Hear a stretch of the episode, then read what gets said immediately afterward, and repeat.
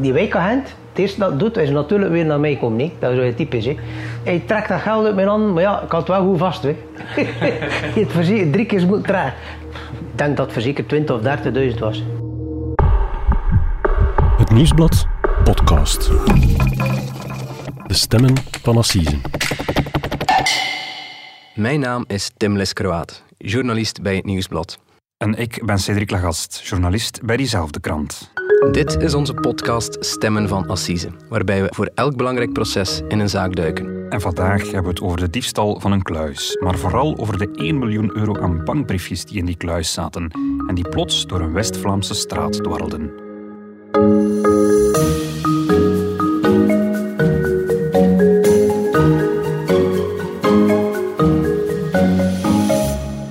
Dag Tim. Dag Cedric. Welkom Tim Leskroat, ook eh, journalist bij het Nieuwsblad en bovenal onze man in West-Vlaanderen.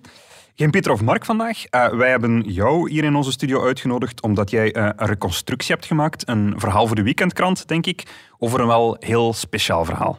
Dat klopt. Het is eigenlijk een verhaal over een rustige straat in Zedelgem, een klein dorpje in West-Vlaanderen.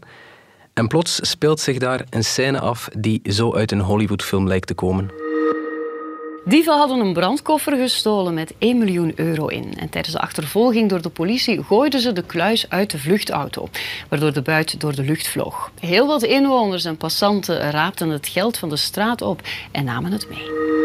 Het is een zaterdagavond, 20 april 2013, kwart voor tien s'avonds. Die hele straat lag daar dus bedolven met bankbriefjes eigenlijk. Naar verluid was het, zoals we het ons mogen voorstellen, letterlijk geldregen in een hele straat bedekt met bankbiljetten. Ja, ja ik ik denk, Tim, jij was ook de eerste journalist die daarover geschreven hebt in de tijd, acht jaar geleden. Jij bent de eerste die dat verhaal gebracht heeft. En het, het heeft uiteindelijk ook tot een film geleid, dacht ik. De, de buurtpolitie heeft daar ooit een, een film over gemaakt. De buurtpolitie heeft inderdaad eh, een film gemaakt, De Grote Geldroof. Het scenario is niet helemaal behouden zoals het Het was is. ook niet in Zedelgem dat zich dan afspeelde, vermoed ik. Ik durf niet zeggen welke naam ze het dorp gegeven hebben. nee. Nee.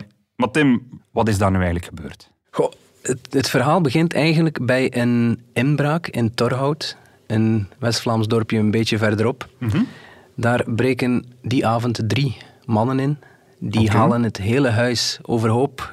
Die nemen geld mee, die nemen juwelen mee, maar die nemen ook een kluis mee. En die nemen die kluis mee omdat ze die niet open krijgen, vermoed ik. En Ze vinden die kluis en ze willen op dat moment geen tijd verspelen aan het openmaken van die kluis. Dus eh, ze nemen die zo snel mogelijk mee, niet wetende op dat moment wat er precies in die kluis zit. ja.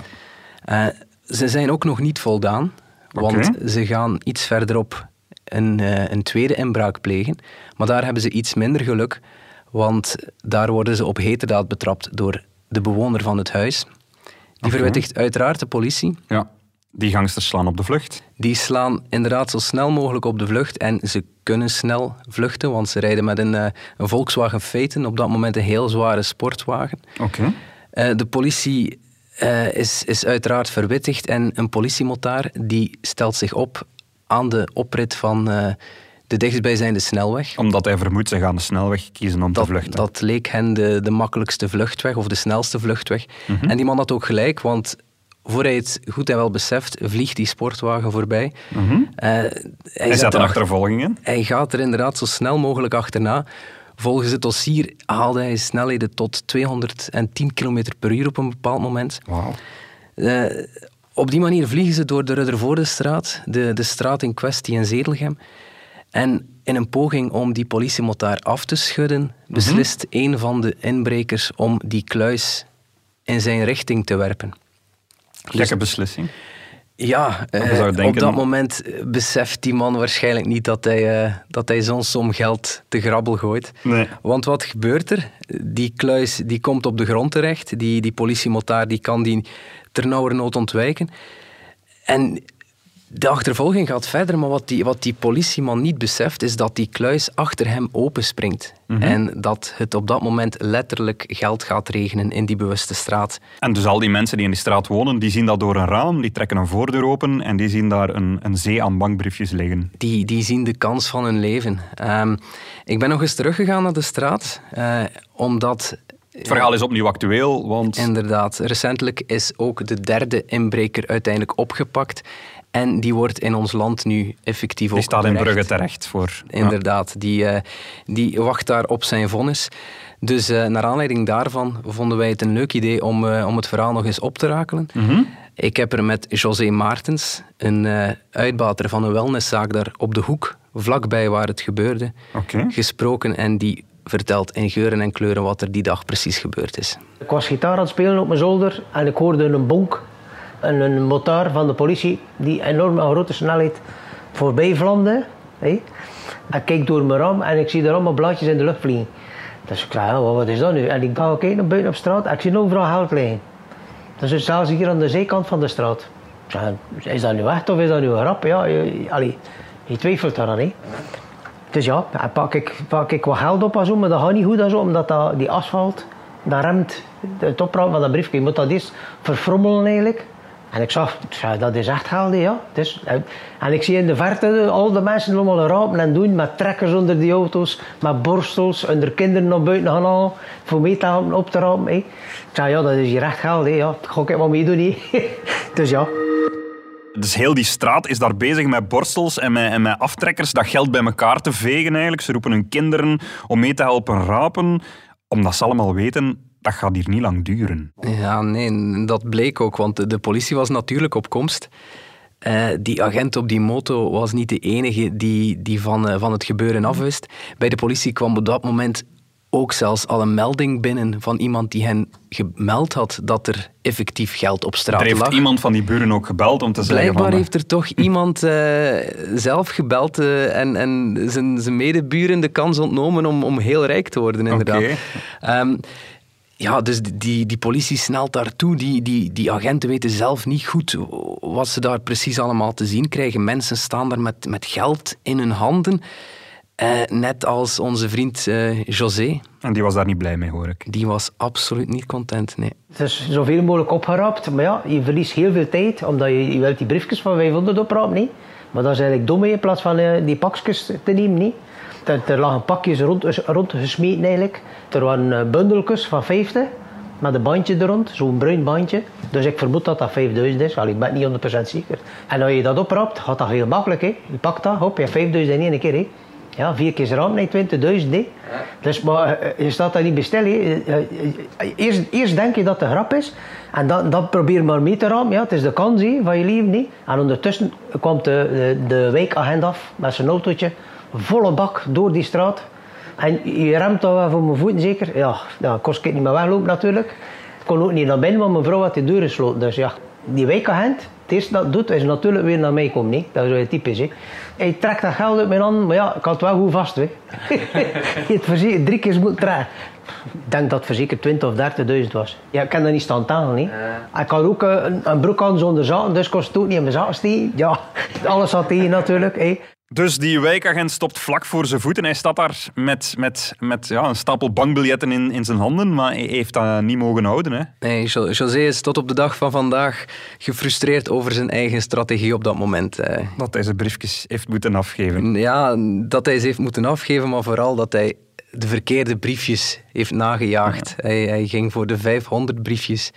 Maar, maar hij had de rolletjes moeten nemen natuurlijk. Maar ik begrijp dat er wel heel veel buren in zijn straat zijn die wel de juiste rolletjes genomen hebben en wel met het geld naar huis en vertrokken. Sommigen hadden, uh, hadden duidelijk wat meer mee.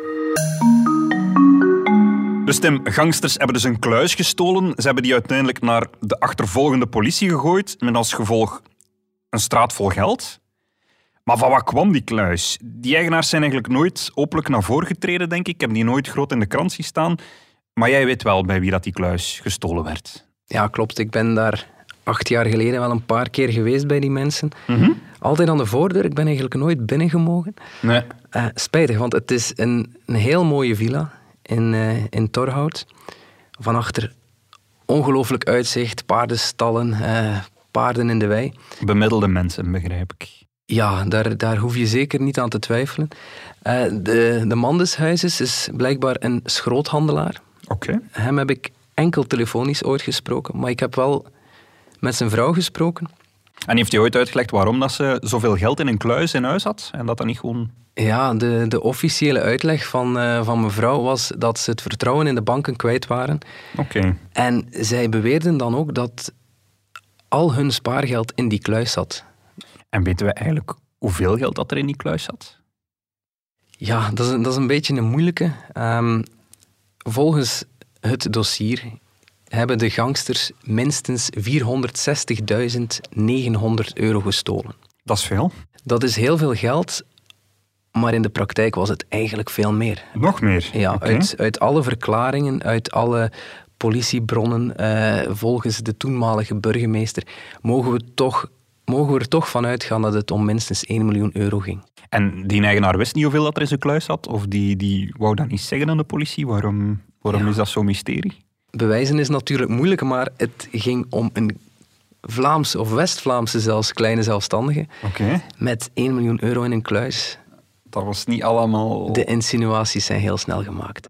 En jij hebt ze acht jaar geleden nooit eens geïnterviewd. Ze hebben toen een, een, een, oproep in onze krant gedaan, denk ik. Klopt, inderdaad. Een, een, een dag na, na het nieuws, nadat mhm. het effectief in de krant was gekomen, uh, ben ik bij mevrouw geweest. Mhm. En zij vroeg mij of ik een oproep van haar kon lanceren naar alle mensen die effectief geld genomen hadden, die op dat moment niet wisten van waar dat geld afkomstig was.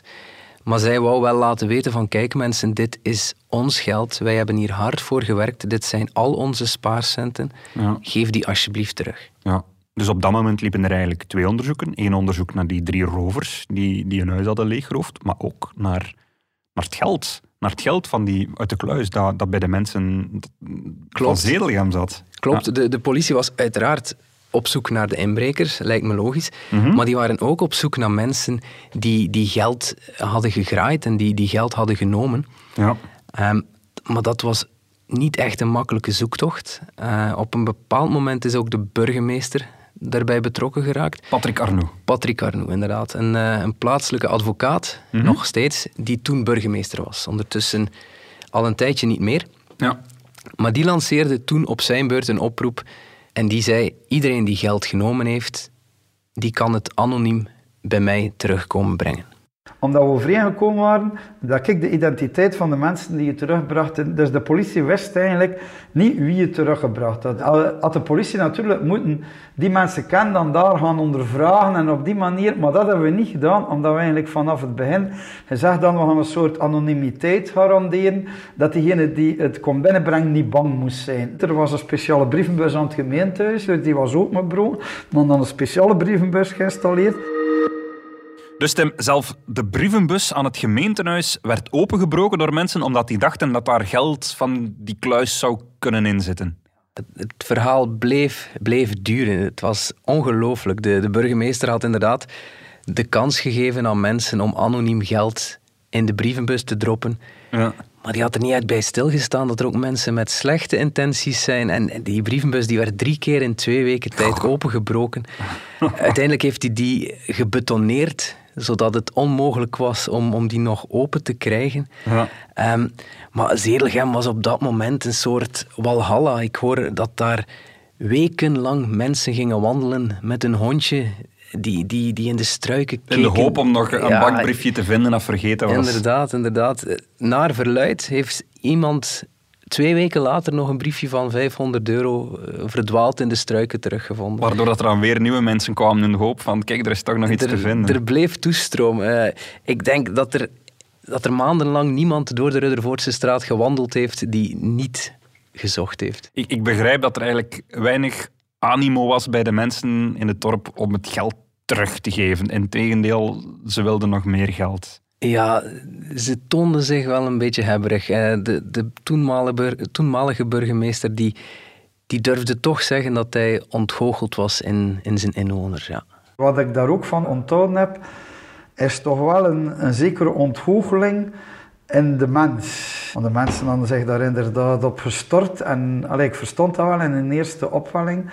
Als je buiten komt en je ziet de briefjes en het waren grote briefjes, haalbriefjes door de lucht, dat de eerste ding dan is om te zeggen, allee, Sinterklaas is daar, we gaan er proberen van er zoveel mogelijk te vangen. Dus dat vond ik een heel menselijke reflex. Maar natuurlijk, als het dan blijkt dat dat van niemand is en dat die mens daar ook voor gewerkt heeft en dat hij het grootste deel van toch de centen waarvoor dat, dat hij gewerkt heeft, dat hij die kwijt is. Maar al met al, als ik 20% of als we 20% teruggekregen hebben van de totaliteit, zal het veel zijn. Maar ik ben er zeker van dat er, en ook aan de getuigenissen van de mensen die het al wel kwamen eh, terugbrengen, er zijn honderdduizenden euro's in de Ruddervoordestraat binnengeveegd of binnengeraapt of binnengedragen. Daar ben ik dus zeker van. Tim, hoeveel geld is er uiteindelijk teruggevonden? Teruggevonden. De, ik, ik ga grof rekenen. Laat ons zeggen dat er een 400.000 euro ter plekke is teruggevonden door politiemensen en, en mensen die op een bepaald moment daar niet anders konden dan, dan meehelpen met de politie. En dan is er nadien door mensen die blijkbaar wat vroeging kregen, nog een 60.000-tal euro teruggegeven. Maar dat is dus echt een heel klein deeltje van, van wat er effectief Ja, want verdwenen is. Als er effectief 1 miljoen euro in die kluis zat, dan betekent dat toch dat er heel veel mensen in Zeedelhem een flinke spaarpot hebben kunnen aanleggen. Klopt, eh, dat vermoed ik ook. En eh, het, het, is, het is grappig om te zien, het is nu echt een taboe in Zedelgem. Het, is, het dorp is verdeeld in twee kampen. Zij die er heel makkelijk en lacherig over spreken, die er dus niet bij waren. Ja. En zij die, die de lippen stijf op elkaar houden en, en er niet over willen spreken.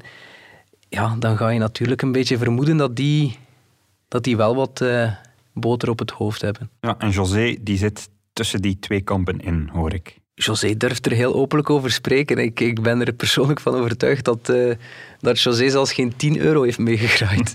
Niks, dat was uh, muisstil. Maar het viel wel op twee jaar nadien dat er verbouwingen gedaan ja, we kunnen dat nu niet bewijzen, hè. dat kan ook maar in de rij gehaald zijn. Hè. Moest ik het moeten naar doen? Tja, ik zou wel gelopen zijn. Ik, ik denk dat José het toch jammer vindt dat hij in die tweede groep zit en niet in de eerste groep bij de mensen die toch een spaarpot hebben kunnen aanleggen. ik ben zeker dat hij het zich tot op de dag van vandaag beklaagt, ja.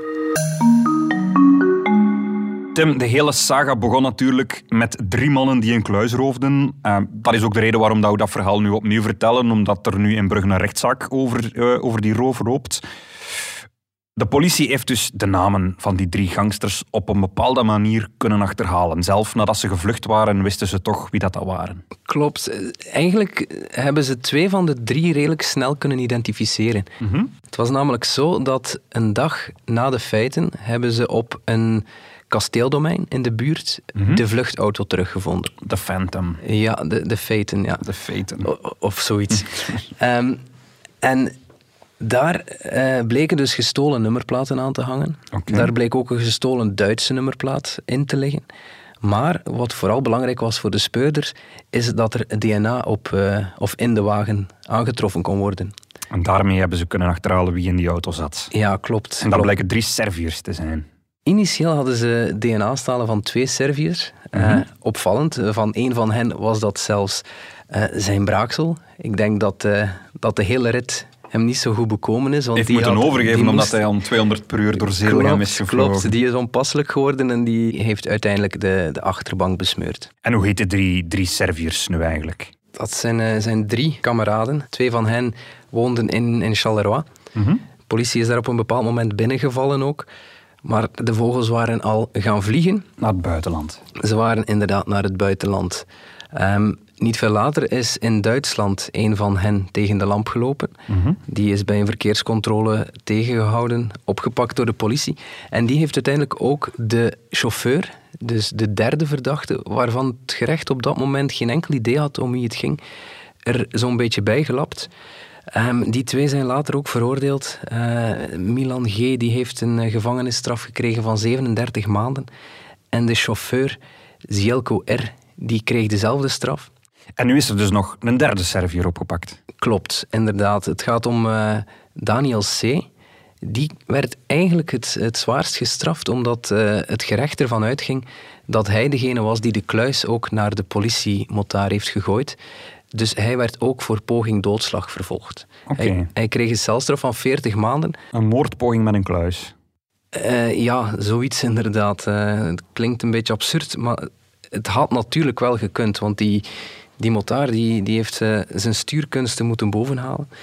Ehm, en het is nu zo dat, eh, dat Daniel C. ook bij ons in de gevangenis zit, want hij werd begin maart ook in Duitsland eh, bij een verkeerscontrole betrapt door de politie. Dus eigenlijk acht jaar lang voortvluchtig kunnen blijven. Hij is heel lang voortvluchtig gebleven en een opvallend feit is dat hij in Rome in 2015 betrapt werd tijdens een inbraak. Mhm. Op heterdaad in de gevangenis beland in Italië.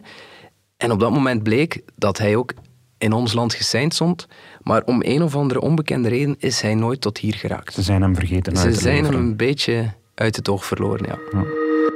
Oké, dus de drie bankrovers die gaan hun straf kennen. Twee ervan zijn veroordeeld, de derde staat nu terecht. Maar de mensen van Zedelgem, de graaiers, zijn daar ooit mensen voor gestraft voor het achterhouden van het geld?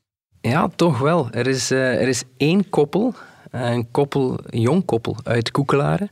Dat is een gemeente toch een tien, vijftiental kilometer verderop, die daar toevallig passeerde. Eh, zij hebben ook geld gegraaid, hebben dat ook toegegeven. En zij werden naar verluid door familieleden verlinkt. En er is bij de politie een anonieme brief toegekomen. Och. Ja, waarin gesteld werd dat het koppel iets meer dan 3000 euro, als ik me goed herinner, had meegenomen. Oké. Dus de politie heeft hen met die brief geconfronteerd. En hadden ze die 3000 euro nog? Ze hadden 100 euro. Dus eh, zij hebben toegegeven dat ze effectief 100 euro meegenomen hadden en zijn doorgereden. En nogal ongeloofwaardige uitleg. Als Ze je- zeggen dat ze maar 100 euro gestolen hebben en geen 3000 euro. Klopt, inderdaad. Ze waren ook onmiddellijk bereid om die 100 euro terug te geven. Ja. Maar bij een huiszoeking trof de politie daar wel een stift aan, een speciale stift waarmee je geldbiljetten op hun echtheid kan controleren.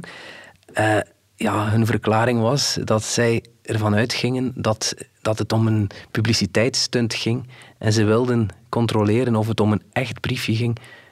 Maar het lijkt me sterk dat je voor 100 euro Nee, voor één briefje zo'n stift komt. ja, klopt Ja. inderdaad. Nu, die mensen zijn eh, wel voor de rechtbank gedaagd. Dus Mhm. het parket van Brugge heeft beslist om hen te vervolgen. Ze wilden er een soort van principezaak van maken. Eh, en die mensen zijn effectief veroordeeld. Die hebben allebei een werkstraf van 50 uur moeten uitvoeren. Oei. Want het is wel strafbaar. Je kan niet zeggen, stel dat het morgen bij jou gebeurt, er crasht een, een, een, geldtransport voor je deur en je voortuin ligt vol met briefjes van 100 euro. Je kan niet zeggen, ik ben een gelukkige vinder, ik mag dat geld allemaal houden. Nee, nee. Je kan het oprapen, je kan het bijhouden, maar je moet het teruggeven. Eh, je mag gevonden geld in principe niet, eh, niet voor jezelf houden. Omdat het aan iemand toebehoort. Omdat het altijd aan iemand toebehoort, inderdaad. Ja. Nu, één koppel, dat is wel weinig, denk ik. Zeker als, ik- als ik hoor dat daar tot 30 mensen in die straat stonden. Waarom is die politie niet gewoon bij al die mensen gaan aankloppen om te zien of dat daar geld lag? Ja, er waren uiteraard heel veel verdachten, maar een huiszoeking kan je niet zomaar uitvoeren. Plus, ik denk dat de politie ook een beetje de redenering gemaakt heeft van stel dat we bij een bepaald huis of in een bepaald huis 4000 euro aantreffen. Dan ligt daar een stapeltje bankbiljetten op de schouw, voilà. Dat zou uiteraard verdacht zijn, maar Mhm. dat kunnen evengoed de zuurverdiende spaarcentjes van, eh, van de heer des huizes zijn natuurlijk. Dus er Je stond- kan aan een bankbiljet niet zien dat dat in die kluis Nee, er stond geen naam op en er, die waren ook niet genummerd of zo. Dus het was, het was een hele moeilijke zaak voor de politie bij mensen die, die niet van plan waren om, eh, om eerlijk te zijn. Dat is wel zuur natuurlijk voor de eigenaar van de kluis. Is die zelf ook blijven zoeken? Is die, heeft hij zelf ook nog moeite gedaan om, om, om zijn fortuin terug te vinden? Die, die hebben hun oproep gedaan in de tijd bij ons in de krant. Ik durf te denken dat die niet zoveel heeft opgeleverd. Ehm, maar het vreemde van de zaak is dat, dat die man nadien altijd heeft beweerd dat hij zowat al zijn geld heeft teruggekregen. Dat is misschien nog een leuke anekdote. Op, een, op het moment dat hij zijn geld van de politie terug mag gaan ophalen, vertrekt hij bij het politiekantoor onder politie-escorte recht naar de bank om, eh, om alles daar, eh, Om daar het toch bij de om bank het te... toch bij de bank waar hij niet in geloofde te gaan, eh, te gaan storten. Ehm, maar die mensen hebben zich tijdens een proces of zo ook nooit burgerlijke partij gesteld. Dus die, uiteraard wilden zij hun geld terug, maar ze hebben nooit echt actief, actief iets geprobeerd om, da- om daarin te slagen. Terwijl heel Zedelgem er eigenlijk van overtuigd is dat hij niet al zijn geld heeft teruggekregen en dat er toch een flink stuk van zijn spaargeld nu in de Ruddervoordestraat zit. Uit alles blijkt dat het om, om veel meer ging dan hij, dan hij teruggekregen heeft, inderdaad. Oké. Laten we eens luisteren wat burgemeester Arnoux daarover denkt. Als ik door de Ruddervoordestraat rijd, eh, is er één huis, maar ik ga dat geen... ik ga nu geen want anders weet iedereen waarover het heb. Als ik mijn ogen op dat huis val, dan denk ik altijd nog een keer aan dat geld. waarom op dat huis? Eh, omdat, er, allee, omdat, omdat ik ervan overtuigd ben dat de bewoners van dat huis dus inderdaad een zeer groot bedrag binnengehaald hebben en niet teruggegeven hebben. En meer ga ik dan niet over zeggen. En ik moet eerlijk zeggen, ik heb ook verwonderd gestaan van de goede reacties. Hè. Dus ik heb een koppel bij mij gekregen in het gemeentehuis en als ik mij goed herinner ging dat over meer dan 10.000 euro. En er waren nu nogthans mensen die dat zeker gingen kunnen gebruiken die dat echt financieel heel moeilijk hadden. Hè. Die toch kwamen, dat dat in oproep gedaan was en zei, kijk, ja, we kunnen dat niet meer leven, uh, we komen dat geld teruggeven. Tim, laten we ook nog één keer terugkeren naar het assiseproces in Brugge uh, over de moord op Sophie Muilen, waar Alexander Kaluniuk voor terecht stond. Uh, de jury is daar tot een, tot een uitspraak gekomen is wel degelijk veroordeeld voor de moord op Sophie Muilen, wat zijn advocaat eigenlijk uh, bestreden had. Maar hij heeft 25 jaar cel gekregen van de jury. Ja, blijkbaar heeft de jury rekening gehouden met zijn jeugdige leeftijd en zijn blanco strafblad. Want, voor alle duidelijkheid, het, de openbare aanklager die had levenslang geëist. Die had ja. erop gehamerd dat hij, dat hij streng gestraft moest worden, dat dit echt een gruwelijke daad was. Ze hadden levenslang gevraagd voor hem en ook nog eens 15 jaar ter beschikkingstelling. Ja, ze had heel stevig uitgehaald. Ze noemde hem een seksueel roofdier. Mhm. Maar de jury heeft toch een klein beetje clementie voor, uh, voor de jonge Roemeen getoond. Omdat hij een blanco strafblad had? Blijkbaar uh, zijn strafregister en zijn jeugdige leeftijd, die, die beide werden... Uh, werden meegenomen in een verdict. Ja, oké. En hij vertrekt nu naar Roemenië, want hij moet zijn straf in Roemenië, zijn thuisland, uitzetten. Ja, ja, hij had daar zelf ook om gevraagd, denk ik. Tim, heel erg bedankt om dit verhaal hier in onze studio te komen vertellen. Met veel plezier, het was, het was, het was fijn. Het was boeiend. En we lezen het morgen ook nog eens in geuren en kleuren en met alle details in onze weekendbijlage nu. Ja, klopt. En wij zijn er volgende week terug voor een nieuwe aflevering van De Stemmen van Assisen. En dan vertrekken we opnieuw in West-Vlaanderen. Maar we eindigen aan de andere kant van Vlaanderen in de Antwerpse Kempen. Voor een moord op een jonge moeder. Tot volgende week. Was De Stemmen van Assisen, een podcast van het Nieuwsblad. De stemmen waren deze week Tim Liskroat en ikzelf, Cedric Lagast. De montage gebeurde door Pieter Schrevens van House of Media. De productie was in goede handen bij Eva Migon en Bert Heijvaart. Voor de fragmenten gaat onze dank uit naar Focus WTV.